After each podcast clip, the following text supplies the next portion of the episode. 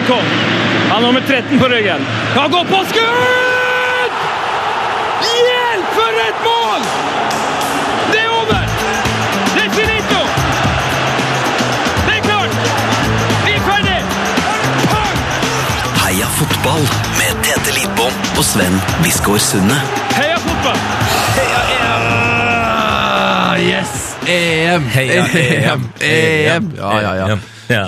Åssen går det, gutten? Veldig fint. Du, det går bra. Jeg har akkurat vært og henta min bagasje fra gårsdagens flytur. Ja, du mista bagasjen på den. Nei, Det var jo ikke så rart. Den ble vekk. Vi fløy jo helt fra Oslo til Trondheim Den, altså En av de lengste flyturene vi skal gjøre i våre liv. Ja, mm. var jo voldsomt. Var jo, var ingen flybytte, riktignok. Og det tok jo bare tre kvarter, men det føltes langt. Så Ja, og- full og- forståelse for at de mista bagasjen. ja, og herre min, vi, var jo, altså, vi sjekka jo inn tre timer før for å rekke å se fotballkamp, så herregud, de hadde jo så god tid på å fucke opp. Ja. Så det er kjempe... Ja, det var- det vi. Kjempeforståelig. Vi skal ikke gi dem så god tid på å fucke opp. nei.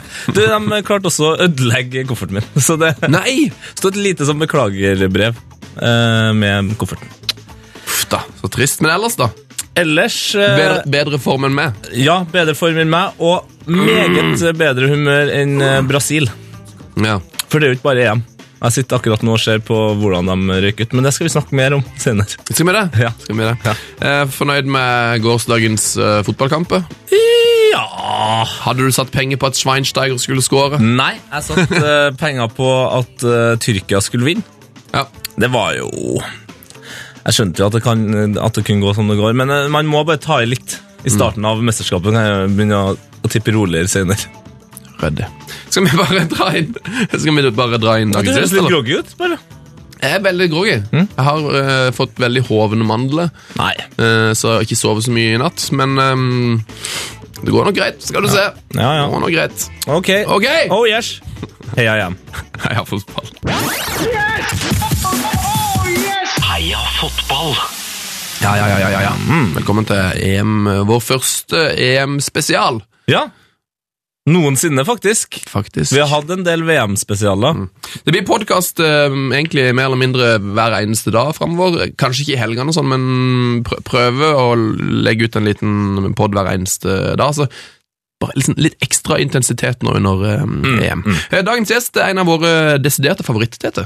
Ja, han er det. Uh, sist han var innom her, så satte han til livs en halv lastebillast med energidrikk, eh, og lærte oss alt vi trengte å vite om Fifa og Qatar. Dagens gjest er fotballskribent, dokumentarist for Josimar, TV 2, The Blizzard, Mirror, Guardian og en rekke andre fotballtidsskrifter. fotballtidsskrift. Lars Sivertsen, velkommen til oss. Hallo, hallo, hallo. Direkte fra London. Direkte fra London. Fra samme studio som forrige gang, som fortsatt er bare smekkfullt av utstyr som er kanskje 80-tall, kanskje 70-tall. Det er steingammelt, mange av disse tingene her. Jeg, jeg lover jeg skal legge ut bilder nå når podkasten kommer opp, for at det, det, det er en maskin i hjørnet her. Jeg skjønner ikke hva den maskinen gjør, men jeg tror at det er sånn på filmer fra 70-tallet så var det sånn computere så ut, på en måte. okay. Men her er rykter om at uh, siden sist så har airconditionen uh, strøkket. Ja, det, det blir svett, svett podcasting dette her, altså. Så hvis dere hører ulyder herifra, så er det Nei, det aircondition har gått fullstendig i dette rommet, og det, det, det gamle utstyret eh, det avgir litt varme, kan man si.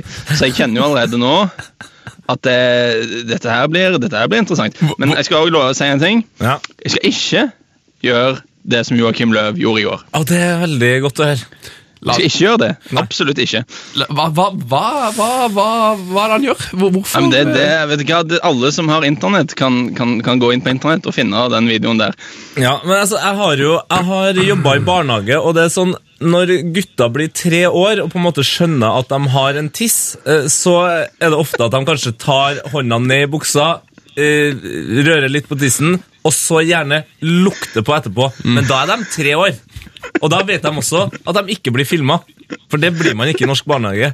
Men Joakim altså, Joakim Løv han har liksom blitt filma så mye med fingeren oppi nesa. Det er litt sånn, det har vi på en måte lært oss å godta. Ja, det, er, det er nesten som jeg tenker han gjør det med vilje. For at, uh, altså, Han vet jo at han blir filma. Han vet jo at det er masse masse filmkameraer. Jeg tror bare han har litt dårlig oppdragelse. altså. Tror du det er en avledningsmanøver, rett og slett? Men jeg, liker å tro at det var sånn, han tenkte ikke over dette her, så han kom inn liksom i garderoben etter kampen og bare fornøyd. ja, ja, seier i første match, liksom. Og bare du, du Joakim, har du, Ja, har du sjekka har du sjekka mentions på Twitter nå, eller? Og Det blir veldig spennende å se hvor mye high fives uh, han får utover uh, EM nå. Altså Om det er folk som i det hele tatt nekter å, å, å hilse på han. Kanskje han prøver å innføre handshake for piss? Nå har ikke jeg sett bilder, men tok han folk i hånda etter kampen i går? For det er jo litt sånn Jeg er ikke sikker på, jeg håper, jeg håper ikke det, men jeg regner med han, han må, må vel nesten gjøre det. Ja, jeg må nesten Ellers da, hvordan går det i London med det? Det går fint. Det går veldig fint. Det, det merker jo at det er litt sånn EM-feber her. England er jo litt prega av, eh, av, av hendelsene i Frankrike så langt. Det kan vi gå nærmere inn på etter hvert. Eh, Det, det er noe som preger nyhetsbildet, og som blir diskutert veldig mye her borte. Men, eh, men kampen, da. eh, Det, det, det så jo lyst ut, som det alltid gjør. Og så gikk det som det alltid gjør eh, for Det var, oh, det var, jeg har skrevet en blogg om dette for de som vil sjekke ut min blogg på Nettavisen. Mm. så, eh, fordi Jeg syns første omgang var veldig oppløftende. For i første omgang Det var ikke sånn at England var rasende fantastisk gode, men spillerne så liksom litt ut sånn som de pleier å se ut for klubblagene.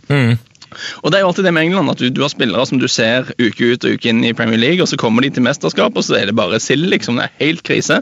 Men nå i den første omgangen så, så, så var det altså Kyle Walker føyk opp og ned på høyrekanten der, og det, Lalana var slepen, og de satte opp fine kombinasjoner, og Uni begynner å se ut som han kan spille midtbane, og det var liksom folk De, de skåret ikke mål, ok, men det så bra ut. Men så i andre omgang så syns jeg vi var veldig tilbake til det der forknytte England med kjempehøye skuldre og midtstoppere som bare måker ballen vekk, og midtbanespillere som slår han bort så fort som mulig uten å tenke seg om. og det var, De fikk målet sitt i andre omgang, men det, det var skikkelig sånn det, det var skikkelig, det, Ja, og den puben jeg så kampen, så merka du liksom mye, mye murring og mumling og sånn. Det var, Den andre omgangen har vi sett før, altså. Det var, Ja. det, det var klassisk gamle England, og det var veldig urovekkende. da, For håpet er jo at man skal prøve å liksom komme seg litt eh, i riktig retning. Men hvorfor, hvorfor er de så nervøse? Det, det er en del ting. altså Alle landslagsspillere i hele verden er jo under et helt ekstremt press, eh, men det er kanskje litt ekstra i England. Eh, det er et ganske stor avstand mellom forventninger og, og, og hvor man er realistisk nivåmessig, tror jeg. Man, de, de tror jo de, de er litt sånn manisk depressive på det, for England har nå kommet til et punkt der de, der de føler at de bør vinne, men de er òg overbevist om at det skal gå galt. Før var de jo sikre på at de skulle vinne, da, men nå har de jo skjønt at det går stort sett galt. Men de føler fortsatt litt at de skal vinne. Ja, altså- Så du har en sånn, De går inn i turneringen der man forventer både at man skal vinne og at det skal gå galt. Det er ikke ideelt, tror jeg, for spillerne. og så- Eh, og så og så er det òg en ting, unnskyld, at det, det har blitt vist, altså Forskere har vist at engelske, den engelske offentligheten og England er et av de mest individfokuserte kulturene i verden. Så det er sånn at man, man, man, man peker mye på enkeltindivider. Så jeg tror kanskje at i tillegg til at media, media er så intenst, så er det veldig intenst på enkeltpersoner. Så jeg mistenker kanskje at man er kanskje enda litt redde for å gjøre feil, da, de engelske spillerne. Det er ikke noe sånn som at man taper og vinner sammen. liksom, Her skal syndebukken skal henges. Eh, og, og det er jo noe når man liksom når Hvis man har ballen i litt farlig sone i et internasjonalt mesterskap, og du kommer liksom tre mann i press, og så, så ligger det i bakhodet, liksom, og da måker du han til måker du han til helvete istedenfor å gjøre noe smart med ballen. Jeg tror, jeg tror det er litt det, det, det intense enkeltmannspresset òg har litt å si her, altså. Ja, altså, eh, er det sånn, det var så veldig Det bare visste liksom den her eh, Det problemet de ofte har eh, eh, med liksom helheten i laget, da, når Kale liksom er visekaptein, får på seg kapteinspinnet de siste minuttene der, og så blæser dommeren av, og så er det en, selvfølgelig en skuffelse å, å spille 1-1 mot Russland, men når da kapteinen på banen bare legge seg ned i midten og, og liksom sitte der og banne, istedenfor å bare plukke opp de her yngste spillerne og si Shit, Dyer, du scora, og Ally, du har spilt en mm. relativt god kamp, og Walker, du har levert liksom Det her klarer vi, har masse støtte på tribunen. Så sitter han liksom der alene. litt, ja. Ja, det, de er gode på det der, altså. Ja, helt riktig. Han følte nok sånn som alle andre at det var ikke bare det at de spilte uavgjort. altså Du lever godt med uavgjort i åpningskampen, men det var bare følelsen at dette var akkurat det samme gamle. Eh, og det, det er liksom det som var det tyngste da, etter, etter kampen der. Eh, og det, og det jeg viser jo da, jeg, Fabio Capello fikk veldig sjokk når han tok over England, fordi at han, han tenkte han skulle ta over et litt sånn råttent lag, da, siden de hadde ikke kommet til EM da, akkurat når han tok over. Og Så hadde han de på trening, og så fikk han helt sjokk, for at de var jo gode spillere, liksom. På trening så er de bra. Men så så så han i første kampen med en gang de gikk på banen, at liksom skuldrene var helt oppe på ørenivå, liksom, og pasningene var ikke presise lenger, og mottakene var dårlige plutselig. Altså, De spiller med mye frykt, og de spiller med mye angst, og, og det, det, ble, det, det har blitt gradvis bedre av og til, men, vi ser spesielt når det er mesterskap, altså.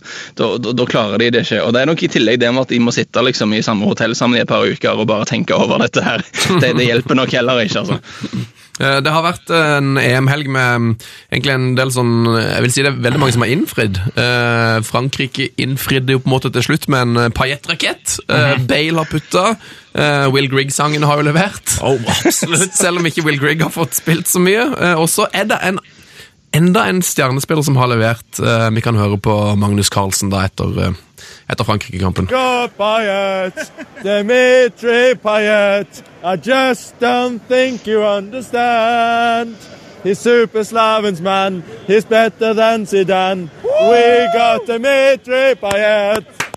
Nydelig lyd fra Det var direkte på TV 2 etter, Ja, har, etter kampen. har Carlsen eh, meldt overgang til Frankrike, tro? Jeg tror han var spilt i turnering der. Ja, okay. Så han skal ha spilt sjakk neste morgen. Det er levering, eh, Lars. Flott. Eh, Magnus Carlsen er en, er en flott mann, og jeg, jeg syns det er kult at han har denne sånn Jeg har vært så heldig å fått eh, jobba med å dekke han et par ganger, ikke mye, altså, men bare litt av og til. Og jeg får veldig inntrykk at han er, at han er en skikkelig kul type, og at jeg kanskje virker litt stiv sånn av og til, men, men hvis du kommer litt under liksom skallet på Harr Carlsen, så er han ganske stilig. Eh, så det overrasker meg ikke, det klippet der, altså. Ja, nydelig. Men er du, er du overraska over at uh, Payet var så helt utrolig god? Nei. Er noen det? Nå, nå har han holdt på sånn i, i hele år her i England, stort sett, så det er jo ikke rart, det, egentlig. Og jeg, og jeg tror eh, Payet er noe av det som er veldig spennende med dette franske laget, at de har spillere som har skikkelig X-faktor.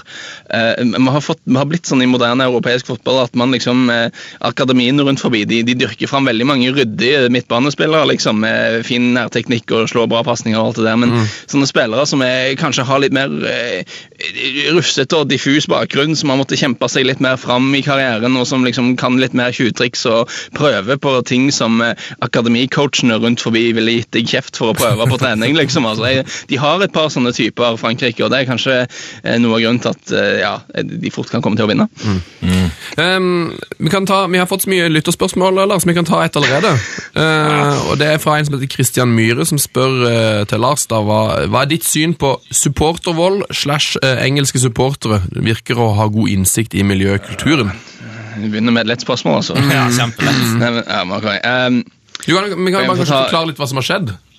Ja, Det har, det har vært mye bråk uh, i, i Marseille, spesielt nå i forbindelse med Englands første kamp.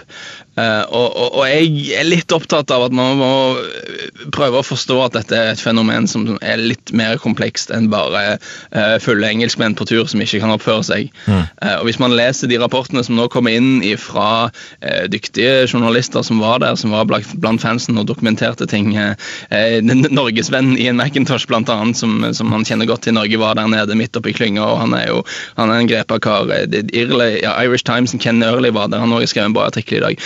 Eh, disse, disse gutta her, som, som, når du ser på det som faktisk skjedde da, så er det ikke bare sånn at engelskmenn kommer og drikker seg fulle og slåss. Det er et par faktorer. Husk at eh, ca. 40 000-45 000 anslagsvis engelskmenn var i Marseille nå eh, i forbindelse med denne kampen. Eh, og England har lenge hatt et problem med, med tribunepøbler, det vet vi. Eh, Men de har jobba lenge og målretta og brukt mye tid og ressurser for å få bukt med dette. her.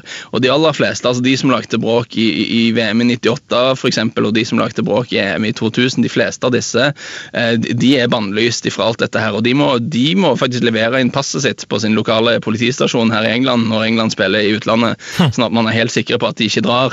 Eh, Så så i Englands bruk tar man dette veldig på alvor og bruker mye ressurser på å prøve å få bukt med det. Men det er altså sånn at når 45 000 engelskmenn drar til Marseille, så er det en 300-400 av de kanskje. Som, som de, de som vil eh, synge litt ekle sanger og vil tøffe seg litt, de, de møtes kanskje på, på samme pub. Og så, og så henger de opp litt flagg rundt forbi, og så lager de litt, eh, litt leven. Um, og, og, og det er en faktor her. Og av og til så kan det skli ut. Uh, og her tror jeg kulturforskjeller er et lite problem. I England så har man i lang tid jobba med å utlære politistyrkene hvordan man skal håndtere disse tingene. Og, og, og noe noe av det man kommer fram til, er at eh, opprørspoliti med, med, med skjold og batonger og tåregass og sånn virker ofte veldig mot sin hensikt. Eh, all forskning og all empiri tilsier at det er større sjanse for at det blir trøbbel da. For, for du kan se for deg at du har en, en, en folkemasse av, liksom, eh, av stolte, småfulle, solbrente engelskmenn som synger sanger om andre verdenskrig og, og, og sånn. og, det, og det, det, er uff, det, er litt guffent, og de, de forsøpler, og det, er ikke bra, og det, kanskje bør folk lære seg å oppføre seg. Men problemet er at hvis en av de da kaster en flaske så er det viktig at politiet er såpass smarte at de ikke svarer med å fyre tåregass med en gang. liksom. Mm. Uh, og alle rapportene fra Frankrike tilsier at mye av bråket kunne ha vært avverga hvis politistyrkene avventa litt. Mm. og ikke, mens, mens, i Frankrike har det vært de som var der, sier at det var litt sånn tåregass først og spørsmål etterpå. Eh, og Det er ikke den beste måten å løse sånne situasjoner. Så må jeg selvfølgelig si at det, det, franske politiet har hatt veldig viktigere ting å bry seg med. og det, de, burde, de, burde, ikke måtte bruke energi på dette her i utgangspunktet, men nå er det en gang sånn at når man arrangerer en turnering og det kommer tusenvis av fans, så, så må man være forberedt på å håndtere de mer trøblete elementene. Så, så, så man har gnisninger da mellom engelskmenn som, som, ikke kan oppføre seg, men som kanskje ikke sklir helt ut heller uprovosert. Og et eh, fransk politi som eh, er litt utdatert i metodene, for å si det på den måten. Altså, I England så har man kommet fram til at det beste er et stort politioppbud, men i vanlige uniformer. altså Hvis det blir bråk, hvis noen kaster en flaske, så går du inn og så plukker de ut han som flaske, har kasta ei flaske. Og hvis de da gjør motstand alle sammen, så må man kan, kanskje gå til verks, men, men prøve å ta ut enkeltindivider som går over streken, framfor å gasse hele gjengen, liksom, har man kommet fram til her på øya. og det har funka veldig bra, mm. eh, men det er tydelig at franske politiet har en litt annen filosofi. Mm. Eh, og, og, og, nå er det viktig å det er ikke snakk om å avskrive, altså ta fra ta uh, unnskylde de engelskmennene som ikke har oppført seg fint, men det er tydelig at med litt bedre kommunikasjon mellom myndighetene her, og kanskje litt bedre skolering av de politistyrkene som skal passe på folk, uh, så kunne dette vært unngått. Den andre tingen som har skjedd, som jeg er litt mer redd for, og som jeg syns er mer alvorlig, og som jeg hadde bekymra meg mer for hvis jeg var på kamp der, er at du har gjenger med, med, med russere tilsynelatende som er organiserte, og som er der kun for å slåss. Altså, det er ikke snakk om at de er eh, fulle tullinger. Dette er folk som har, gått, har hatt, eh, som ryktes og har hatt treningsleirer seg imellom. Og, og, treningsleirer? Noen, ja, noen av de har kampsporter som de holder på med, og sånne ting, og som, som går inn og som målretta finner engelskmenn fordi at de har et sånn hooligan-image. Så man ja. da går inn og så prøver man å banke så mange engelskmenn man kan, og så stjeler man flagg og sånn. Og så har man i ettertid da sett uh, bilder på sosiale medier der russiske bøllefrø liksom poserer med flagg de har stjålet fra engelskmenn og sånne ting. Mm. Og det er noe som hvis jeg hadde skulle tatt med familie eller venner og kjente til en sånn kamp, hadde bekymra meg mye mer. For, for disse 200-300-400 mannene som har drukket litt for mye og synger litt teite sanger og kommer i klammeri med politiet, altså, du, du, vet på en måte hvor de er, og, og du skjønner hvordan du skal unngå altså, du, du, går ikke på den puben, liksom. Mm -hmm. Og, så, og så, så, er det noe man selvfølgelig skal slå ned på og, og få orden på, men jeg er mer redd for gjenger som rett og slett bare går løs på alt som er av engelskmann. Og det så vi jo igjen på stadion etterpå, eh, etter kampen mellom England og eh, Russland, at eh, det, der var det forferdelig dårlig sikkerhet. Ingen segregering å snakke om, vakter som ikke så ut som de hadde peiling. Uefa hadde lagt et tau mellom de engelske og de russiske fansen, liksom. Som om det skulle stoppe noe som helst. Og altså, Etter kampen så gikk det, gikk det, folk til angrep, og, var, og, da er det snakk om folk som har med balaklava og slagvåpen og, og all verdens greier, og bare spesifikt er der for å slåss. Og de går løs på engelskmenn fordi engelskmenn har hatt dette ryktet og har da på en måte blitt trofeer. Altså Hvis du banker opp en engelskmann i hooliganmiljøet, så er du veldig kul. Eh, og det er jo når kanskje noen hundre av de 45 000 engelskmennene som kommer der, er interessert i sånt. altså Resten er familiefolk og vanlige folk som er der for å hygge seg. Eh, så, så blir det litt eh, ille. Og, og, og, der er jeg litt skuffa over, kanskje ikke overraska, men litt skuffa likevel over responsen fra russiske myndigheter. Der eh, sportsministeren deres, Mutko, som var på kampen og så alle som rusha engelskmennene, som sa at nei, her skjedde det ingenting, her var det ingen problemer.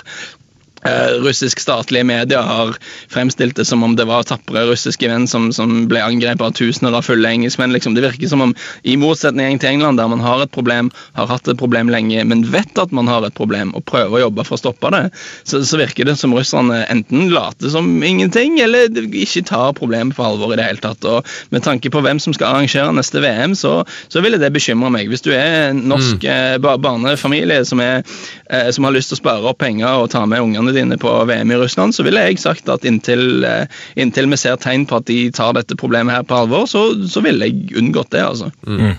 Um, det er jo litt sånn rart det her når det er så mye presse og som hele verdens liksom kikker i den samme retninga, så kan man jo få inntrykk av at det har vært utrolig mye bråk. Men samtidig så får man jo øh, veldig mye rapporter om at det har vært helt øh, stille og rolig, så det er sånn vanskelig å si Ja, så har øh, hvor, hvor mye det har vært. Ja, så har du sånne fine bilder, spesielt mellom eh, Nord-Irland og, og Polen sine fans, som har sunget sammen. De har eh, hatt dance-off istedenfor eh, slåssing. Eh, og Ja. dem som har blitt skada altså Det fins bilder av en nordirsk supporter som holder i en eh, skada polsk supporter eh, eh, i ambulansen. Liksom. Altså det, det, det finnes jo heldigvis også gode, eller gooligans, som jeg liker å kalle dem nå. Gode Gooligans. fans. Ja, men det er klart det tørre tåregass og bord som blir kasta, ser litt kulere ut på forsiden enn folk som liksom drikker øl og kommer godt i, og godt i år. Så det er jo litt den moderne medievirkeligheten. Men så er det, vi skal ikke, man må ta det på alvor, de problemene som dukker opp igjen, for det har jo vært veldig ille før. Selvfølgelig. Og, og, og når det nå blir litt ille, så tyder det på at vi kanskje har slappa litt av og tatt øye litt av ballen i forbindelse med denne turneringen. Og kanskje engelsk og fransk politi burde diskutert litt mer i forkant hvordan vi skal forholde dette. Kanskje engelsk politi burde sendt over en 20-30 mann som kunne hjulpet de engelske styrkene med å forklare dem at dette, sånn pleier vi å håndtere det, og det pleier å gå bra.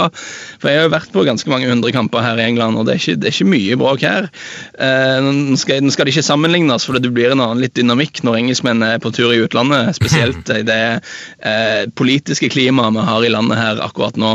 Eh, så, så blir det selvfølgelig litt mer anspent, men eh, det er tydelig at vi ikke var godt forberedt. Og det er jo det som kommer nå i dagene framover, blir veldig spennende. For i forkant av turneringen så anbefalte fransk politi at engelske fans som ikke har billetter til kampen mot Wales, de burde ikke dra til Lens eh, der kampen spilles. For det er en veldig liten by der det ikke skjer så mye, lite plass, liten fanzone. De burde heller dra til Lille, eh, for der er det bedre plass. Der er det mer hotellrom, mer barer, større fans og sånne ting. Det man ikke har tenkt på, er at kvelden før England spiller, hvem spiller i Lille? Jo, der spiller Russland. Ja. Så nå har, du, nå har du tusenvis av tusenvis av tusenvis av engelske fans som har hotellrom i Lille, der russerne er. Og, og det er sånn, når man, Det er når man får en sånn da, da, altså det er ikke lett å arrangere et EM i fotball, altså, men da, da er det lov å begynne å lure på kompetansenivået til de som har organisert dette. her. Bare det at England-Wales spilles i en av de minste arenaene i den minste deltakerbyen. Hva hva er det man tenker på da?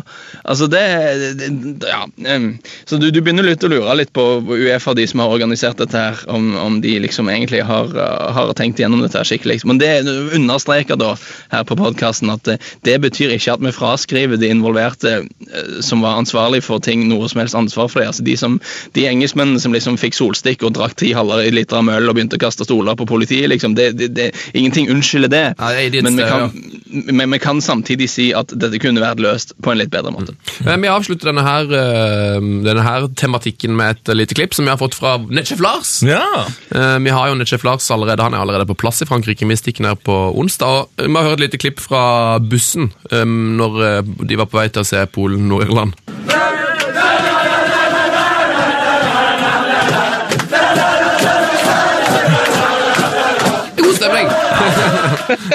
Ekstremt god stemning. Sånn det skal være. Sånn det skal være. Jeg skal høre et eh, annet klipp òg som jeg vet ikke om det er god stemning, men jeg har fått inn, eh, fått inn det på e-post her fra en som heter um, Eirik.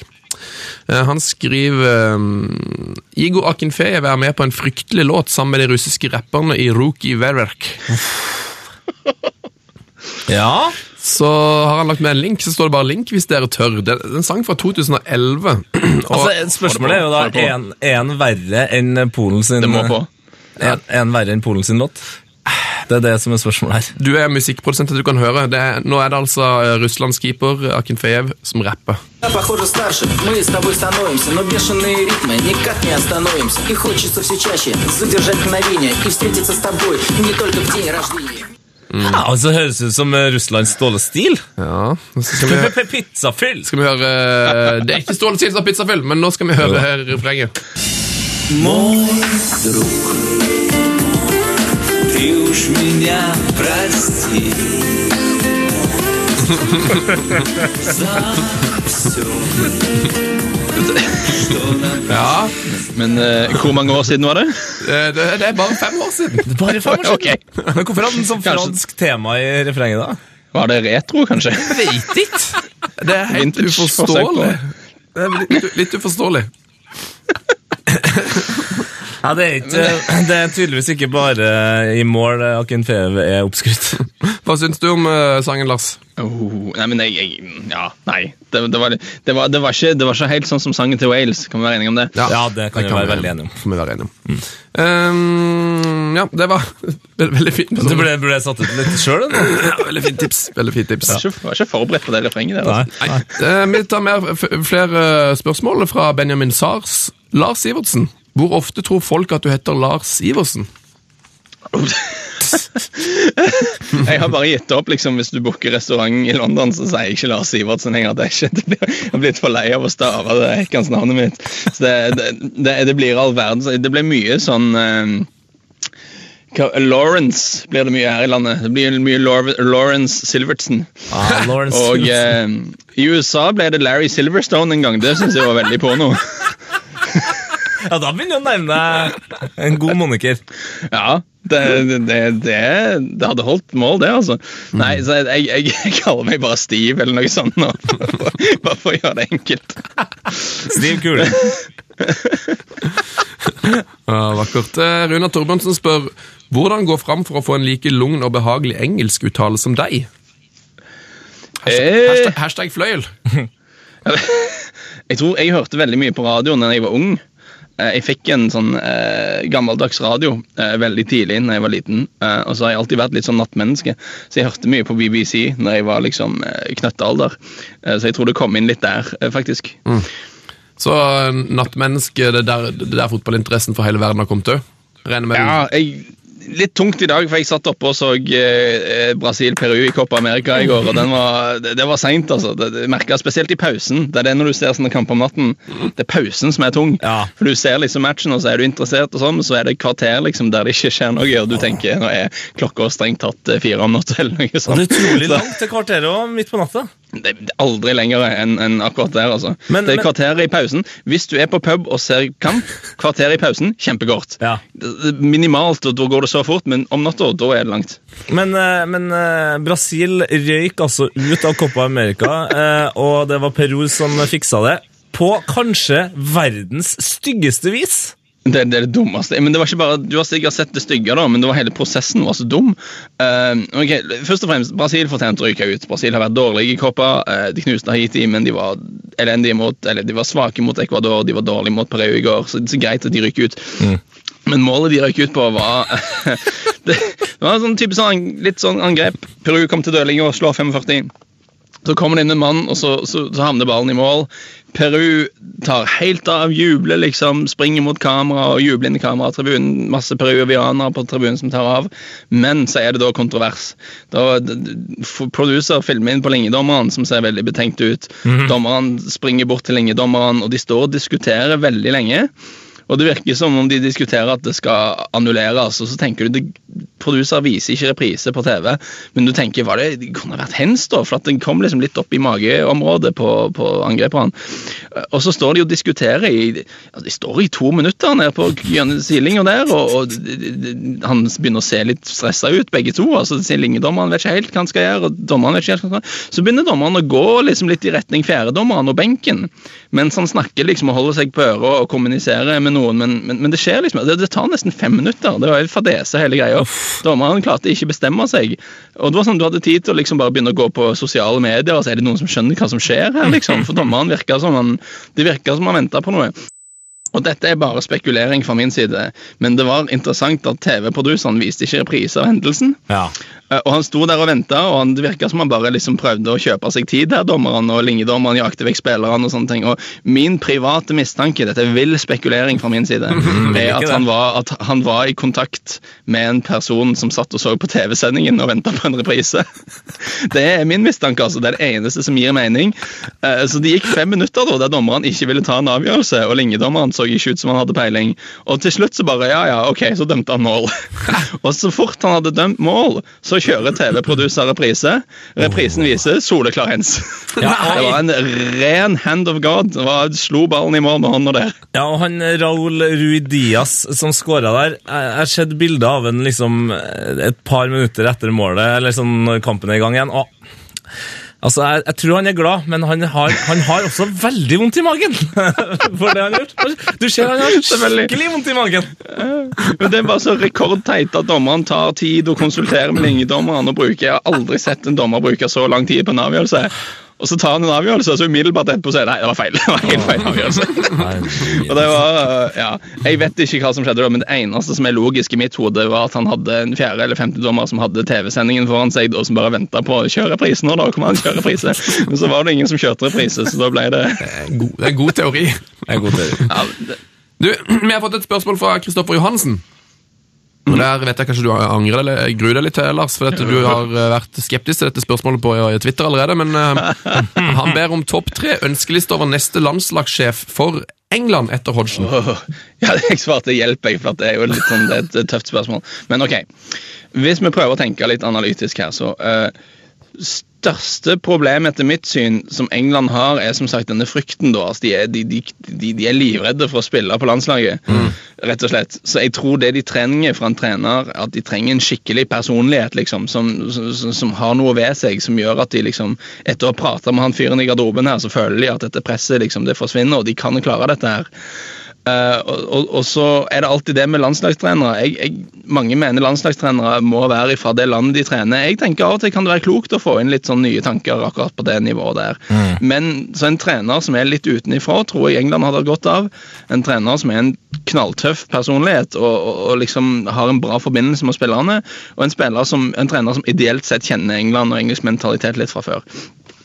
Og da tenker jeg, altså Siden jeg er Tottenham-man, så sier jeg jo selvfølgelig Pochettino. Pochettino tikker de boksene veldig. Pochettino har bevist tydelig både i Southampton og Tottenham at han er flink til å jobbe med unge engelske spillere, og flink til å få dem til å våge å spille og gå ut der. og Hvis du ser Pochettino sine lag i Tottenham og Southampton, de pleier ikke å være redde, liksom. De pleier, I Tottenhams tilfelle var de kanskje litt for hissige på slutten mot Chelsea. Der tok det kanskje litt av. Men eh, så det må gi spillerne mot, virker det som han skjønner. Men jeg tenker også, for å vise at klubblojalitet ikke er alt her Jeg, jeg syns Slaven Bilic kanskje kunne være en mann å tenke på. Altså, han er ung, da, men han har liksom veldig imponert meg i studio, for han virker så stilig som fyr. Han har vært mye i TV, han har vært mye i EM-studio i England, og han er en sånn skikkelig løs kanon i studioen. liksom. Han, han, han har banna litt, så det, da blir de veldig stressa i England. Han liksom, for, for, for han var i studio for lenge siden, før han ble Westham-trener. Så var han i studio på Italia og Kroatia. Du husker den kampen som ble avbrutt pga. hooliganbråk? Um, da kutta de til studio mens det så ut som om kampen kanskje kunne startes igjen. Eh, og Da skulle de liksom fylle av dødtid og snakke, og da begynte Slaven Bilic å liksom detaljbeskrive hvordan du smugler inn flares og sånn på for fotballbane. og da nervøsiteten bredde seg som, som en skogbrann i det, det engelske fotballstudioet der med Hodlo-gutter som ble bare Er dette greit, liksom? Kan vi kringkaste dette? og når, når, Bilic er ekspert i studio, så ser du at programlederne er liksom konstant liksom on edge og er redd for hva skal han si nå, liksom, må vi avbryte, må vi gå til pause plutselig. Han er, altså, han er en fyr som virker som han har skikkelig personlighet, og eh, en fyr som kanskje kan få med seg altså, Så jeg tenker en sånn type en sånn type som er litt outsider, men samtidig skjønner kulturen, og så kan gi spillerne mot. da. For det, du må få slutte det, det, det er vanskelig å synes synd på spillere som kanskje er litt overbetalte og litt oppskrytte og sånne ting, men, men, men jeg er bombesikker på at mye av problemet til England er at de er livredde når de går på banen. Så de må få en type som liksom virkelig får de med seg og får de til å glemme det der. Og, og da tror jeg kanskje Pochettino eller, eller Bilic, en sånn type, kunne være, kunne være riktig. Ja, Bilic ser ut som en fest, eh, Tete. Ja, han ser ut som en fest, og så er han jo Han er jo en skikkelig bohem, samtidig som han er jæskla smart og tar en sigg, og det er liksom, det er liksom ikke måte på. Så liker, det er to gode forslag. Eh, Lars, du har eh, takka ja til å være med oss i slutten av mesterskapet òg. Eh, Så du, du blir å høre mer i Heia Fotball i år. Eh, Derfor tenkte vi vi skulle ta en sånn liten Vi skal prøve å lage et lite skjema her nå som vi kan sammenligne mm, i begynnelsen og slutten av mesterskapet. Mm. Mm mesterskapet. hvem, eh, vi kan gå gjennom liksom, hvem vi tror vi vinner, hvem kommer langt, hvem kommer til å gå ut tidlig, hvem skårer mye mål. Sånne ting. Du skal rett og slett tippe, og så skal du bli vurdert eh, på slutten av mesterskapet. Det er Men vet du hva? Nå, nå har jeg sniktitta på Twitter, og dette har dere jo òg fått et spørsmål på, det med meg og spådommer. Ja, ja du, er, det er noe med det. Du, er, du er kjent for å jinxe eh, fotballresultatet. Jeg har fått meg et lite sånn rykte, litt fortjent som en notorisk jinxer. Eh, så, så når jeg melder noe på Twitter om at nå kommer dette til å skje, eller nå ser dette bra an, så, går det det helt stikk motsatt. Så, så denne Det er noe heksekunst bak bak det der, altså. Eh, så hvis vi nå går igjennom her, så er det ganske mange lag som liksom eh, som, som fordømmes til en dårlig sommer her, altså hvis dere skal gjøre alvor av dette her. Ja, det er klart vi skal gjøre det. Eh, vi kan, Alright, kan, alright. kan du begynne med å, at du gir oss eh, kanskje tre favoritter da, til Nei, la oss, si, la oss plukke semifinalene. Hvem kommer Ja. der? Hvilke fire lag ser vi der?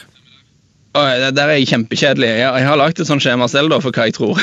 en, en tett bevart hemmelighet. Men jeg er, jeg er kjempekjedelig, for i semifinalen mine har jeg Spania, Portugal og Tyskland og Frankrike.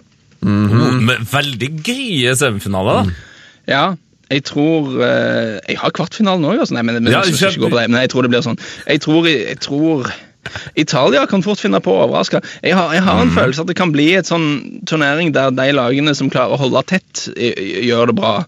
Fordi det er ganske Det er ikke så mange det er ikke så mange lag som ser ut som, som, ser ut som at de kommer til å bøtte inn med mål. liksom. Det, det er ikke mange, Så jeg tror det er de som klarer å holde nullen, som, eh, som kanskje kan så Jeg tror Italia har jo blitt veldig avskrevet, men jeg tror de kan bli vanskeligere å, å, å, å sko seg på.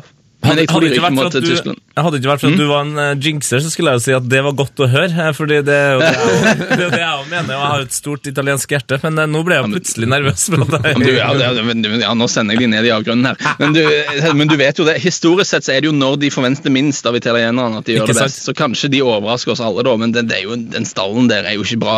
Det er jo Når du kommer med sånn EDR og sånne ting, så ok ja, men Framover er det, er det litt tynt, eh, for å si det mildt, men bakover er det jo historisk eh, sterkt. Altså, det, det kan jo ikke ha vært et, eh, et forsvar med keeper som har spilt så mange kamper sammen, eh, som har spilt Helt et EM. Helt riktig, og de har jo en megafordel i at de spiller i samme klubb. Altså Du har keeper og, og backrekker som spiller sammen i klubb. For det er jo en av de store tingene med landslagsfotball, at du får så lite tid sammen sammenlignet med klubbfotball. Det, eh, så, så, så, de lagene som lykkes, er gjerne de som har forbindelser fra klubbnivå. Det har vi sett mye spesielt med Spania. Men det, der tror jeg Italia har et fortrinn, da. Men du må jo skåre mål på et eller annet tidspunkt. Ja, det får, eh, det får være Floren, Florenzi sin Straffe 0-0 og straffe. Ja, Funker det òg. ja. Litt, kanskje- litt overraska at du har Portugal så langt. Ja, men det man må jo hva er det jeg har, jeg har, har regnet meg fram til at de skal Det er vel mest, mest fordi at jeg har kommet fram til at jeg tror de får Belgia i, i eh, første utslagsrunde. Ja. Eh, og Belgia har jeg ikke så mye tro på, fordi jeg har sett de en del. og Du, du går liksom og venter på at Belgia endelig skal se ut som et fotballag, og ikke bare en sånn samling av gode spillere. Og Jeg, jeg syns ikke det har kommet helt ennå, da, meg. Det kan være jeg, eh, kan være jeg tar kjempefeil, men uh, jeg er ennå ikke solgt på, på Belgia. Så jeg tror de slår ut Belgia. og så Hvis jeg ikke tar feil, så får de kanskje England eller Tsjekkia i, i kvartfinalen, da, og det, det tror jeg òg de skal klare. Så, uh, så jeg tror de er litt heldige med trekningen, da. Men det beror jo på at jeg treffer på hvor de kommer i gruppespillet, og det, det kan det jo være jeg ikke gjør. Men jeg tror de, eh, jeg tror de kommer på eh, hva de har satt opp her. Jeg tror, jeg tror de vinner gruppe F, ja. Det er det jeg tror. Jeg tror det, ja. Ja, Østerrike er jo gode, de òg, men eh, det Kanskje jeg har sett meg litt blind på at jeg syns Portugal var gode mot Norge. altså det, det kan være, Men det, jeg, tror, jeg, jeg, tror ikke det. Jeg, jeg jeg syns de er et bedre lag enn de har vært før. Han, treneren de har nå, har, har gjort de til en litt bedre enhet. Ja. Uh, en, en, og Det er ikke bare Cristiano Ronaldo pluss ti lenger, liksom, så vi får se. Nei, min, jeg har en bror som tror de kommer til å vinne hele EM, så jeg, Ja. jeg, er vant med folk som har troa på det. Det er hardt meldt, det, altså, men jeg tenker at av outsiderne så kan de fort komme til å, komme til å overraske. Jeg tror kanskje Spania. Jeg har Spania som vinner. For jeg tror vi har liksom avskrevet Spania litt. Ja, det, og litt rart, egentlig. Ingen som tror på Spania, liksom. Men det er vel kanskje fordi de var så møkka dårlige i Brasil, uten at vi egentlig fikk noen god grunn til at de var så dårlige. Så da tenker vi bare nei, da blir de sikkert dårlige igjen. Men hvis du ser på det, det laget de har, så eh, Nei, kanskje The det gate eh, forstyrrer litt, kanskje, men det hadde vel fort blitt Casillas i mål uansett, så jeg vet ikke hvor mye det har å spille inn. Jeg har fått en uh, breve her fra Sven Erik Jacobsen, som uh, irettesetter oss litt fra fredagens podkast. Sist. Og Da sa nemlig Karina Olseth at eh, han eh, heter Portugal-stopper heter Pep. Ja. Han heter ikke PP, men han heter Pep. Og så sier Sven Erik at det er helt feil. Han heter verken PP eller Pep. Han heter Pepi. Helt feil! Han heter verken Pepi. PP eller Pep. Det uttales derimot Pepi, sier min portugisiske kompis. Ja, Ja, nei, da- Nei, men da, da vet vi det. Da vet Altså, altså et, at et eh, så, såpass enkelt navn med fire, fire bokstaver kan uttales på så mange forskjellige måter, uten at noen egentlig Ja. vet det, det imponerer meg. Det meg. er imponerende. Og Vi har jo sittet her før og fått mail fra pol polakker som sier at det uttales Staunchen. Det gjør du ikke måte på. Ja. Og det er jo eh, Du får jo ikke fasit før du spør de som Som har navnet. rett og slett. Men ak akkurat Chesney må jo være den mest kontroversielle, for der er det varierende liksom fra hvilken polakk du spør. Ja, eller hvilken dag du spør Chesney på sjøl. Ja. Ja, jeg føler det at det har vært opptil flere sånn, ja, min polske venn sier det, og han polakken sier det, så det, der er jeg helt, der har jeg nesten gitt opp, altså. Nei, det er håpløst. Eh, vi må ta, spå litt mer. Eh, hvem tror du vinner? Er Nei, altså, jeg, altså, jeg går for Spania, jeg, altså. Det, det, Ja, du sa Frankrike Frankrike, Frankrike tidlig. Frankrike har nok egentlig et mer spennende lag, da. Men jeg føler at hvis man skal tenke tipping, da, så synes jeg jo da oddsen på Spania frista litt før, eh, før turneringen. For de var 6-7 i odds på at de skulle vinne, syns jeg var egentlig ganske greit betalt. Eh, de har et veldig bra lag, og, og min teori er at det vil bli liksom nå kan du spille dette opptaket om et par uker, og så høres jeg skikkelig teit ut, men min teori er fortsatt at de lagene som ikke slipper inn mye mål, vil lykkes kanskje i større grad enn de som spiller fantastisk fotball ja. og, og underholder oss. Det er min mistanke, og det er kanskje derfor jeg tenker mye Spania 1-0 den turneringen. Men eh, hvilket lag er det som da går på huet og ræva ut, altså som skuffer aller mest? Skuff, jeg har jo allerede nevnt at jeg ikke jeg, jeg er ikke på Belgia-greia. altså. Jeg, Etter andre omgangen mot Russland så er jeg redd for England, altså, hvis du ser på den gruppa der. Det, jeg stoler, Sånn som de spilte siste 45, så stoler jeg ikke på at de kan slå noen. altså. Eh, og både, både Wales og Slovakia har liksom, de er ikke helt sånn gode å ha med å gjøre. så det, det, det, kan, skal mye til at de ryker ut i gruppespillet, da, men, men jeg tror ikke England utretter noe særlig her. altså. Og det er litt synd, for når du ser på spillermaterialet der, så, så er det jo mye spennende. Og jeg skjønner hvorfor mange var optimistiske på Englands vegne, men, men jeg syns ikke det så ut som om de har løst den, den gamle floken på noe som helst måte, og, og derfor tror jeg det blir et kort EM for dem. Eh, hvem eh, blir turneringens beste spiller? Smo mm. ja, Det var en bra lyd, var det ikke det? Hvis, eh, hvis, hvis, hvis Pepi, Pepi Nei, men hvis Gud. Um, nei, men Hadde det ikke vært veldig typisk hvis vi fikk liksom Paillet-show resten av turneringen, men så blir de slått helt på målstreken? Ja. ja At Paillet liksom herjer og, og skårer sånne frisparkmål, sånne kule langskudd og sånn, eh, og blir liksom alles favoritt. Og så møter de veggen mot Spania, og så, og så, så snubler Morata inn en corner eller, inn, eller et eller annet sånt, og så, så, så er det sånn denne. Så blir Xabi Alonso turneringsspiller. Sergio Busquets. ja. Sergio Busquets. Busquets, ja. Det er antiklimaks, da, men det kan jo fort bli sånn. Ja, men så, såpass mye som Busquets har vunnet i ung alder, så er det på en måte en av de få tingene han mangler. Så det, han, han tar vel sikkert den òg. Gjør nok det. Hvem blir toppskårer, Lars? Ja, toppskårer. Um, men hvis min teori om at Portugal skal gjøre det godt, skal slå til, så, så er nok de eh, et lag som kan faktisk Hvis du ser de er i gruppa med da Island, Ungarn og Østerrike, så der kan det, der kan det komme litt mål, tenker jeg. For det er mange jevne grupper her, men, men der kan det bli litt livete. Så hvis vi sier eh, Hvis vi ser bort ifra mitt spådde Payet masterclass, så kanskje Ronaldo. Litt sånn kjedelig, men, men jeg syns ikke det Jeg synes ikke det er så kjedelig å spå det nå lenger. For nå har han liksom drept seg ut i så mange mesterskap. Helt enig. At egentlig, så, egentlig så er det gutsy å spå at Ronaldo skal være god. Uh, kanskje det endelig skal Jeg ser for meg at han plutselig kan skåre fire mål mot Ungarn, eller noe sånt, for Ungarn var, er jo ikke bra. Ja, han elsker jo å Eh, spille mot uh, dårlige lag. Det er da han virkelig koser seg. Ja, så, så sett om liksom eh, Sett at han skårer hat trick mot Ungarn, og så ryker Island på en utvisning eller noe sånt tidlig mot Ungarn, og så kommer det to til der, og da har du plutselig fem, og da er du godt på vei til å bli toppskårer. Så det kan, det kan skje. Forrige EM hadde vel toppskåreren hadde vel tre mål, så Ja, så det, det, det, det skal ikke mye til. Jeg tror nok toppskårermarkedet, hvis jeg skulle spille på det, det har jeg ikke tippet på i det hele tatt, men hvis jeg skulle spille på det, så ville jeg sett på hvem er det som kom til å Hvem er det som har en gruppespillkamp eller to der du virkelig liksom kan, eh, få på, kan få på to-tre to- to-tre mål, ja. Ja. Eh, og da, da ser man jo Da ville jeg jo sett på de som skal spille mot Nord-Irland òg, for at de så litt sånn uh, ut som de sleit litt mot Polen, men eh, Lewandowski benytta seg ikke av den sjansen, og Tyskland har vel ikke Om ikke Thomas Müller skal liksom begynne å herje, så eh, Men det altså- blir sikkert han. Det blir sikkert Thomas Miller. Ja, Thomas Det, nå, sitter, nå sitter vi og prøver å analysere og finne logiske grunner til at dette skal skje og dette skal skje.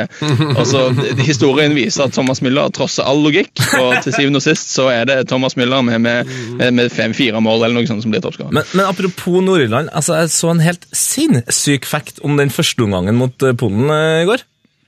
Nord-Irland hadde ikke en eneste touch på Polen sin banehalvdel de første 45 minuttene! Er det sant? Nei, sant? det, Det er sant! Wow. Det er helt sjukt! De tok jo avspark, og så tok de den nye varianten med avspark. De skulle i det minste bare tatt eh, gode gamle avsparket, så hadde de fått én touch. Burde egentlig benytte avsparket til en sånn gyllen mulighet til å få inn et skudd på mål. Så trist. Få den, Bare, få den, få den skuddstatistikken der, sånn at du, du må bare måke den av gårde. Så er vi, yes, da er vi på, da er vi ikke blank på skudd. wow. Ja, Det var ikke gøy å være Lafferty i første 45, det Wow. er sikkert. Stakkars Jeg, Will jeg, da. er- jeg er veldig spent på hva som skjer med Irland eh, i dag, for det er på en måte mitt land. I, eh, jeg, er- min min samboer er irsk, så, så jeg, er- jeg, er min, jeg er Irland i akkurat i mesterskapet her. og det er jo, Sånn som gruppetrekningen ble, så er jo det litt tungt. Men, eh, men, men, men de er jo eh, jeg, jeg tror ikke de kommer til å utrette noe som helst. Altså Jeg er veldig, jeg er veldig ikke, ikke positiv der i det hele tatt. Men, eh, men de er et sånn lag, sånn Irland, hvis de hadde fått en grei gruppe så kunne de kanskje overraske, for at de er godt organiserte. eh, O'Neill er, flink på Han er kanskje litt begrensa som trener, O'Neill, men han er flink på det han er, det han er flink på. altså Få det satt opp skikkelig defensivt og få motivert gutter. Eh, de, har litt, de har gjort en snedig variant i Irland. De hadde en vanvittig svær bruttotrapp. De hadde en haug med spillere i bruttotrappen, og argumentet var det at eh, ingen er trygge, liksom. Jeg skal ha maks på hver trening, hvis ikke så åker du hjem. Eh, og jeg er ikke så spent på hvordan det slår ut, om de skal iallfall være motiverte og klare. Det er kanskje, I tillegg har Roy Keane som innpisker, så, så er det jo ikke mangel på Han, han gikk jo ut og slakta hele gjengen etter en dårlig treningskamp. jeg begynte å bli, bli bekymra for at han liksom skulle pike før turneringen i det hele tatt var i gang. liksom. Han, han gikk ut og at alle var ubrukelige, egentlig. Jeg tror han kom inn for å lage god stemning, ja, men det er jo helt tydelig at han ikke Du vet at ofte Historisk i England så er det sånn at treneren, manageren, er slem, Ja. og assistentmanageren er liksom han som er snill. Mens i Irland så er det liksom Martin O'Neill, som er litt sånn gammel og litt sånn onkel av type, og så har du Roy Keane, som er jo bare helt psykopat som nummer to, liksom. Så det er ganske omvendt dynamikk der, altså. Åh, For en fotball da det her blir. Eh, Spania-Tsjekkia klokka tre. Irland-Sverige klokka seks. Belgia-Italia klokka ni. Og så, da, for Lars, nattkampene Mexico-Venezuela og Uruguay-Jamaica ferdig klokka jeg Hva er på den, altså? Uruguay, Jamaica. Hva, hva er det? What's not to like der, altså? ja. Uruguay, Jamaica, altså det er Jeg, jeg tenkte jeg skulle si Belgia, Italia, men uh, Uruguay, Jamaica blir Jamaica! Hvilken er den vi gleder oss mest der?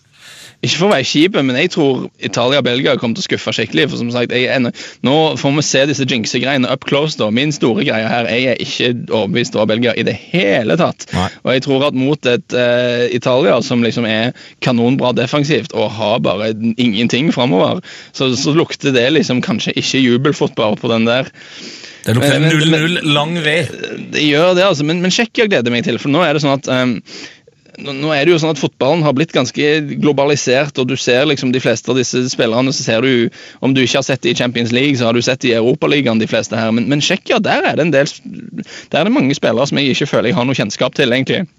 Men de jo, var jo veldig gode i kvaliken, så, så det, jeg gleder meg virkelig til å se Tsjekkia. for Der er det spillere som, der kan det komme noe nytt. Ja, så er det gøy med at eh, Borek Dortskal, eh, tidligere Rosenborg-spilleren, har spilt så bra i kvaliken. Han har jo vært eh, assistkonge. Ja, dere som jeg Nå følger jeg ikke norsk fotball så tett. Hva var det som gikk galt med? Hvorfor slo ikke han til i Rosenborg? Han har jo sett eh, veldig bra ut i høydepunktene jeg har sett. Ja, nei, Han slo egentlig på en måte til bare, Han brukte litt lang tid, og når han da først slo til, så var han så god at han eh, dro videre. Så, okay. så det, han, han, gjorde det, han gjorde det bra. så han var, Problemet var vel at han ble ikke like eh, stor som eh, Marek Zappara. Nei, ok. Det, er- det var tung å, tung å følge opp. den der. litt, annen, litt annen spilletype òg. Altså. Han Ja. er litt mer sånn, eh, sånn, sånn backhamsk på en måte. Liker å stå ut og slå innlegg og sånne ting, men Zappara var mer sånn nummer ti. Ja. Jeg håper bare vi får eh, en eller annen sånn målfeste. da, for Det er liksom typisk da at den første kampen i gruppespillet er litt sånn tett, og det blir mye 0-0, 1-0, 1-1-kamper hele veien. Eh, gøy med en liten målfeste, da. Men, men her, kan, her kan disse mørke eh, sigøyner-jinxekreftene mine brukes til noe nyttig. da. Ja. Eh, For nå går jeg inn i samfunnets tjeneste og spør og spår Få mål i alle kampene. Da blir det bare Ingenting skjer. Ingenting kommer til å skje i dag. Det blir under, under underspill over hele linja. Ingenting skjer. Det er min spådom. Veldig bra. Hvor varmt er det i studioet ditt nå, Lars? Kjempevarmt. Hold, det. Holder du ut gjennom et drømmelag, eller må du ha en pause? Ja, ja jeg, jeg, er på, jeg er på energidrikken igjen nå, så nå er det, nå er det greit. Jeg, har en av mine, sånn, jeg er en av mine guilty pleasures. altså I Norge så er det jo bare sånn battery Red Bull, og det er litt begrenset. Ja. Men i England så er det jo Det importeres jo så mye rart her, så hvis du går inn i enhver cornershop, så er det veldig snodige ting. Så i dag har jeg en som heter Bomba. Bomba! Uh, og, og en som heter Caraboo. Uh, jeg er veldig skuffa, for jeg skulle prøve på vei hit så skal jeg prøve å finne en som jeg har hatt før. Som jeg visste hadde passa til dette programmet. Så jukser jeg litt. Jeg, jeg fant den ikke, men jeg skal si hva den heter likevel. Ja. Det er en energidrikk som heter Fist. Fist! Fist! Ja, det er Peru brukte i går, det. Ja. Det først. Det var det, det var det òg. Jeg lurer på hvilken, jeg lurer på hvilken energidrikk eh, Jerome Boateng brukte i går. jeg. Når han eh, Altså Det var det, var det sykeste. Det er sånn, når, når- du bruker så mye av livet på å bare se fotballkamper som jeg gjør, så blir du av og til litt sånn ja, ok, dette har jeg sett før. Mm. Men, men den der manøveren der, da reiste jeg meg opp og lagde en høy lyd. altså. Ja, jeg- det var, det jeg jeg, sånn Altså, Jeg kan ikke Ja. mye om turn, men jeg tror det der hadde holdt til, til EM-gull i, i, i turen hjem. altså. Ja, det var Nei, det, var, det, var, det er ikke ofte midtstoppere gjør ting som får deg til å bare reise deg opp og bare Hva er det som skjer nå?!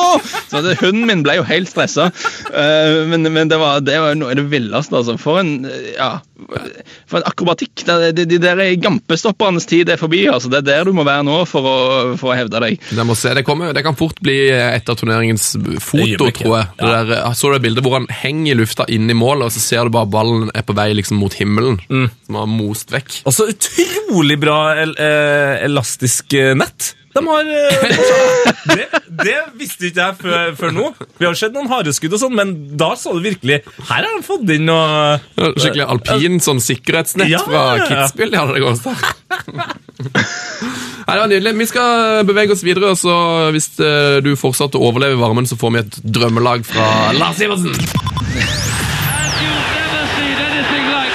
Heia fotball! Ja, ja, ja, ja. Heia EM, sier jeg da. Ja, det er heia EM, og det er litt sånn at eh, vi kjører jo Det er litt annerledes under EM. Det er ikke sikkert det blir Glory Hall hver dag, det er ikke sikkert det blir drømmelag hver dag, det er ikke sikkert det blir eh, post og brev og alt podcast podkast blir det nesten hver dag. Podcast blir det nesten hver dag, og, men det blir litt variert program. I dag blir det nok ikke Glory Hall, men vi tenkte vi skulle avslutte med et uh, drømmelag, rett og slett. Mm. Du har skrevet, rabla ned noen uh, navn på T-banen, Lars. Ja, jeg kom på dette her på veien her på undergrunnen, at eh, nå må vi ha et drømmelag, liksom. Selv om vi tok denne Jeg var veldig fornøyd med min. Journeyman-drømmelag forrige Ja, gang. ja, ja, ja, ja, ja. Men, men, det, det, men nå, så, i anledning at det var litt Hekkan nå i helgen, så, Hekka! så ja, hek, Litt Hekkan. Jeg er fra, jeg er fra Jæren. til Ja, det, hva det betyr bråk og litt Ja. sånn kalibalik. Ja, det- ja, det var litt Hekkan. Uh, og så, um, så kom jeg på en ting som eh, og dette jo litt fotball. Jeg kom på en ting som Tony Adams har en sånn ting som han sier. Og Tony Adams er en litt snodig mann. For han har, han har drukket litt mye i løpet av livet sitt. og jeg vet ikke, Hodet hans er kanskje ikke helt, men det, det funker fortsatt. Og han har en ting som han sier om det om å vinne et seriemesterskap i fotball. Han sier you need, you need seven. Sier han. Og han sier hva mener han med det? Han sier at du trenger, du trenger syv gutter på laget som hvis det blir slåsskamp i spillertunnelen, så løper de mot slåsskampen og ikke vekk fra han. Sju av dem. eh, Du, ja, sju må du ha, spe spesifikt sju. Du kan bære tydeligvis da fire sånne Det er kanskje sånne fjasete vinger fra Frankrike liksom, og en spiss fra, fra et eller annet sted, men, men du må ha sju liksom tøffinger. Så jeg tenker da, jeg har sett sammen et barslagsmål, drømmelag, av, av gutter som hvis de hadde vært i Marseille denne helgen, så hadde det blitt ordnet, da hadde ordna seg alt sammen. Da hadde de bare møtt opp, og så hadde alle disse hooligans tenkt at ja, det her gidder vi ikke. Så hadde de gått hjem. Så da starter vi da og, og dette der vi var nå, Når dette går ut i eteren, så kan vi få innspill. da Kan vi kjøre på Twitter og finne enten da Heia Fotball eller meg selv Lars Sivertsen og komme med innspill der, for denne ble litt sånn fort og gale på undergrunn. Okay. Her er det sikkert masse gode folk som jeg har glemt, så denne kan forbedres på. Og da må vi ha innspill, da. Ja. Men inn, aller først, og den kom jeg på fordi han var på radioen her i England i går og hørtes ut som han var ganske kul. Og, ja. og, og da har jeg Jens Lehmann. Jens Yes. Lehmann, ja. Ja, ja, Han ja. var gæren. Og han var liksom sånn Han gjorde så mye rart som han bare slapp unna med. liksom Han drev og dytta og spissa og sparka til folk og sånne ting. Og dommer bare Nei, nei, du får bare holde på, du, igjen. Kasta vekk skoen til en motspiller. Ja, det gjør! Det var helt fantastisk. Var det ikke da, jeg vet ikke om det var da, men det var i hvert fall den sesongen da ble jeg konfrontert av en sint fan utenfor av en som sa Jens, why can't you just be normal? Og Det er kanskje det mange har tenkt når de har sett Jens Lehmann opp gjennom året. da. Men, men jeg tror han hadde tatt for seg i, Ja, ja, ja. enten eller spillet. Og så back, eh, forsvarsrekka, her har vi jo selvfølgelig mye å ta av. Og da har vi da en trio. Jeg tror de spilte sammen samtidig. Og det, det mener jeg husker var liksom ganske episk. Lucio Materazzi og Walter Samuel. De var vel i Inter samtidig. Det tror jeg nok dessverre de var. Og det her med Lucio, altså han er jo ikke noen slåsskjempe, han er jo en dypt religiøs kar, og sånne ting, men han ser jo gørskummel ut. altså, Ja, altså- Herre Han hadde jeg holdt meg unna. Altså tipper jeg Han er relativt god på MMA. Han har noen gode submissions. Shit. Det har du helt rett i. Der er han sterke. Materazzi trenger vi ikke si noe om. Han, er, han har... eh, Spinn Mens. Walt, Walter Samuel er litt skummel på en litt annen måte enn Lucio. Altså, jeg likte å si Når de to spilte sammen bak der, så Lucio ser ut som han hadde banka deg opp, og Walter Samuel ser ut som han har en kniv. Eh, og, det, og, og, og det er i seg selv grunn nok til å holde deg unna der. Og så har vi for å komplettere de tre, det blir en midtstopper, Tungbekk, ikke dette, så har vi Paolo Montero bak der. Og han var ikke stor, men han var veldig sint. Han var sint. Eh, og Hvis vi har tid, så kan jeg fortelle dette. En, en, hvis du skal lese én fotballtrener-selvbiografi, så skal du lese Carlo Ancelotti sin. Den er fantastisk. Ancelotti er en kul type. Hele humoren hans kommer veldig godt gjennom. Og Han forteller en historie i selvbiografien sin Ancelotti, for han var trener for Juventus. Og Da hadde jo de selvfølgelig sine Zidane. Og Zinedine Zidane var et geni. Alt i klubben dreia seg om Zinedine Zidane. Medspillerne, støtteapparat, alle var egentlig bare der for å hjelpe Zinedine Zidane. Um, og en av tingene de måtte hjelpe han med, var at han hadde jo et temperament, som vi jo husker. Som motspillere prøvde å fyre han opp, og, og det var viktig å beskytte han. Og, og, og da var det tre spillere på det laget der, eh, en av dem var Montero spesielt, som, som egentlig hadde det bare som sin livsoppgave var å beskytte sine Zidane. Det var det eneste de var interessert i. Og Montero var liksom spesielt dedikert til dette her. Så mye, Og det, det gjaldt også utenfor banen. Så det var en gang de spilte en bortekamp mot Roma, eh, så forteller Angelotti at eh, Montero kom inn i garderoben og var veldig oppjaga så seg og tenkte hvor er Zidane? Hvor er Zidane? Zidane var ikke i garderoben, og Montero var stressa, for nå visste han ikke hvor Zidane var, og de var i fiendtlig territorium, og det, alt kan skje nå. Og så hørte han samtidig bråk ute fra gangen, og da tente Montero helt nå tenkte han, nå var han sikker, nå er det Roma-spillerne som kødder med Zidane. Dette kan vi ikke ha. Så, så, så Montero fløy opp og sprinta ut i gangen og skulle bare kaste seg inn i slagsmålet her. Og han klarte akkurat å stoppe seg i tide når han innså at Zidane var ikke der, det var Roma-spillere som krangla med hverandre.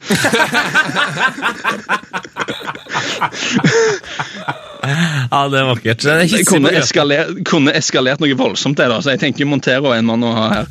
Midtbanen, der ser jeg jo nå at der er det mer sånn attityd enn størrelse, altså. For her har vi først og fremst Gary Medel, Oh, Gary.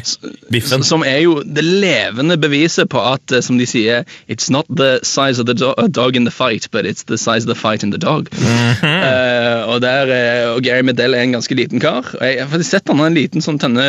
Han er en av de fotballspillerne når du ser i levende live, så er han ganske mye mindre enn du ser for deg, men, men han er òg tett. og eh, du kan se, Det er vanskelig, altså Hvis du skal begynne å kaste bord og stoler, og sånn, så er det ikke lett å treffe han. altså Han, han dodger, og så, og så er han der. Videre på midten Felipe Melo, som jo vi kan ha en hel podkast om. egentlig. Herre min. Men så var bare oppfordret, Vi har ikke tid til å gå gjennom det nå, kanskje, men bare google Felipe Melo og Albert Riera.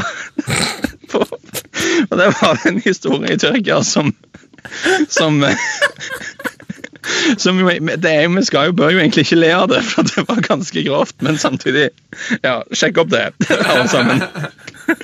Det, ja, Filippe Melo selvskrevet på dette laget. Og, og mannen som etter sigende kunne starte slåsskamp i et tomt rom, Edgar Davids. Edgar Davids, ja. Som òg var med i treerbanden i Juventus, som passa på. Det var han og eh, Montero og eh, Daniel Fonseca, av en eller annen grunn. Oi. Og da har vi tre igjen. I en sånn fri rolle foran disse tre her, så må vi ha litt størrelse og litt pondus. Og jeg vet ikke om han er en fighter, men jeg tror USAs Jermaine Jones Ja, ja, ja. hvis vi, inne, hvis vi er inne på spillere som hadde gjort det bra i MMA Ja, Det er er Jermaine Jones, altså. Han er bygd. skikkelig UFC-fyr, og så, skikkelig sånn eh, Han, han, han eh, tar du med i krigen, for han tror jeg kan dø for hvem som helst, altså, så lenge det er for en god sak. Helt riktig, han vil vi ha. Eh, og så har vi to igjen, og da må vi ha litt sånn type. Da har vi eh, først og fremst Jeg vet ikke om det er han som er bedt, men Han starter, han utløser slåsskampen, da, om det er noen som skal dra i gang dette her. Så har vi Luis Suárez. Det er han som starter. Men Selvfølgelig. han er er kanskje litt sånn kan være litt hit and run. altså Det kan være han hadde stukket av når det først hadde kommet i gang. Ja, men det er, det er Men heldigvis det tror- er- det er jo ikke bare sju på det laget her, da. Så om han seven. ja, så Jeg tror av rent strategiske årsaker så kunne Suárez vært en grei mann å ha på sida her. Og så har vi også, jeg føler at I ethvert barslagsmål så er det alltid en kar som i utgangspunktet ser ut som han er for gammel til å være med, men som likevel tar jækla godt for seg. Joe Jordan. Joe Jordan. Ja, Yes! for i bar, Det er han som sitter bakerst i baren og bare ser ut som en gammel pensjonist som bare drikker øl, men hvis det bryter ut, liksom, så går han plutselig inn og rydder opp. altså. Perfekt. Ja, det er en nydelig lag. Nydelig. Hvem var det Joe Jordan slåss med på linja? Var det måtte Det var Rino Gattuso. Det var Gattuso, ja. Ah, Det, Ja, han, når du liksom, når du, når du square opp til Gattuso i, i pensjonistalderen, på en måte, da er du hard nok til å være med i hva som helst. altså. ja, det finnes jo noen fine bilder av Joe Jordan eh, når han spilte, eh, der eh, han mangler i hvert fall fire tenner. I hvert fall fire tenner. Og han Ja, spiller! da, da, hvor mange tenner mangler motspillerne? Er Strålende lag, Lars. Jeg tror de hadde tatt vi må, vi må jo, Det vi burde gjort en eller annen gang, var prøvd å sette sammen disse drømmelagene til en sånn episk Fifa-turnering. eller noe sånt. Det hadde vært noe. Ja, Det, det, det, det hadde jo, de her hadde fått sitte igjen med få spillere til slutt. Da. Jeg vet, men jeg, vet ikke, jeg vet ikke hvor bra Joe Jordan hadde gjort det, om du skal, om du skal, skal skape en Joe Jordan nå, eller Joe Jordan eh, for mange år siden. Det, Ja, bra oppspillspunkt, da. Så kan Suarez litt lite, litt, litt lite på speed, da, hvis det er dagens Joe Jordan. Ja, litt tung der, altså. Litt tung der. Det var alt vi rakk for i dag, dessverre. Ja. Nå hører du stemmen min begynner å ta kvelden. Du, eh, du må jo snart ut og få deg litt luft, Lars. Det, nå, altså, nå er det sånn nesten sauna her. Jeg er litt sånn, Elektronikken fungerer fortsatt, men det, det, det er bare så vidt. Er det sånn at svetten begynner å komme gjennom, eh, gjennom tøyet? Det, det, jo mindre du vet om det, jo bedre. Men jeg føler, altså, jeg føler jeg alltid ser deg i, i, i dress. Så jeg, jeg, jeg, ser for meg at alt du gjør, med, med unntak av eh, kanskje dusjing, eh, så, så har du bare Jeg, jeg ser for meg at du sover med dress på. Ja, men da skal jeg Uh, Siden, uh, siden Heia Fotballs lyttere er kanskje verdens beste folk, så kan vi komme med en litt sånn ærlig innrømmelse. Det, det profilbildet som jeg har på Twitter nå, det er fullstendig misvisende. det jeg, husker, jeg, var yngre, jeg husker når jeg var yngre, så pleide jeg å disse sånne journalisttyper som var jækla klysete og hadde liksom sånne byline-bilder der de så ti år yngre ut enn det de egentlig er. og sånn. Nå er jeg akkurat i den kategorien selv. altså. Jeg, det, cirka, jeg ser ca. 15 år eldre ut enn jeg gjør på det bildet der. Og det er litt trist, for jeg tror bare det er fem år gammelt. Strålende, Lars. Eh, Vi gleder oss allerede til at du kommer tilbake senere i mesterskapet. Eh, Så oppfordrer vi alle til å, å følge oss på Snapchat og Instagram og Facebook og sånn under EM, for der eh, skjer det egentlig enda mer enn på podkast. Det gjør det. Lars er jo allerede i Frankrike og har levert mye gode snaps der. Nettsjef Lars. Ja, nettsjef Lars. Ja. Ja, Ikke den her, Lars. Eh, Og jeg satt jo Nettsjef Lars. Og jeg satt jo, og, jeg og du satt jo og grein eh, litt på, på Lerus i går på grunn av en snap av en 84 år gammel polsk Polsk dame. dame som da var storfan og var ned der i NIS. Det var så rørende. Ja, det var nydelig. Ja. Det var nydelig. Um, Vi er tilbake i morgen med podkast. Ja. Og så er Lars tilbake ja, skal vi si rundt 1. juli eller noe sånt. da, Lars. Hvis vi vil, altså, Når absolutt alt jeg har spådd, har gått feil, Så- kan du komme så kan vi liksom gå inn igjen og ha en sånn rituell ydmykelse. ta Eh, ja, ja, ja. Vi vi Men, men, dere, men, men dere skylder meg for dagens eh, på, eh, av underholdning når han kommer. Ja, absolutt. absolutt. Eh, skal, skal du forresten nedover til Frankrike, eller kommer du hjem til Norge, så vi får deg på besøk her, eller blir du i England? Ja, vi får se. Jeg, det, det er, når man er frilans, så vet man aldri litt helt hvordan eh, ting skal bli. Men det ligger ikke, det ligger ikke an til Frankrike-tur per i dag, og det er jo litt trist. Eh, Norge får vi se. Jeg må jo kanskje hjem og besøke mor mi eller noe sånt etter hvert. så... Må, det, det, det, det, er noen praktiske problemer med å bo i utlandet. At familien din tror du liksom ikke Du har lagt dem for hat, på en måte, men det er, liksom, det er ikke så lett å besøke. Uansett, nei, Jeg dukker vel kanskje opp i Norge på et eller annet tidspunkt. Ja, det vært strålende hvis du Hvis ikke så er dette her steinalderstudioet her er ganske bra. altså Hvis Ja, de bare får fiksa aircondition. så eh, jeg skal, jeg skal legge ut, når, når dette kommer ut, skal jeg legge ut bilder av den der maskinen i hjørnet. Så kan, så kan de som er litt eldre enn en, en meg, forklare hva, hva er dette her for noe. Det er strålende. Så må du legge ut eh, drømmelaget ditt, så vi får en eh, debatt der på Twitter. Will do. Det er konge. Eh, takk for praten! Yes. Og heia fotball! Heia fotball! Hei, fotball. Frank de Boer speelt de bal. Heel goed naar Dennis Bergkamp. Dennis Bergkamp. Dennis Bergkamp neemt de bal aan. Dennis Bergkamp. Dennis Bergkamp. Dennis Bergkamp. Dennis Bergkamp. Dennis Bergkamp. Oh! Frank de Boer speelt de bal naar Dennis Bergkamp. Die neemt de bal aan. En ik schiet de bal erin. We spelen nog officieel 20 seconden. Dennis Bergkamp. P3s Heia fotball. Ny episode hver fredag. Last ned din nye favorittpodkast på p3.no podkast. P3.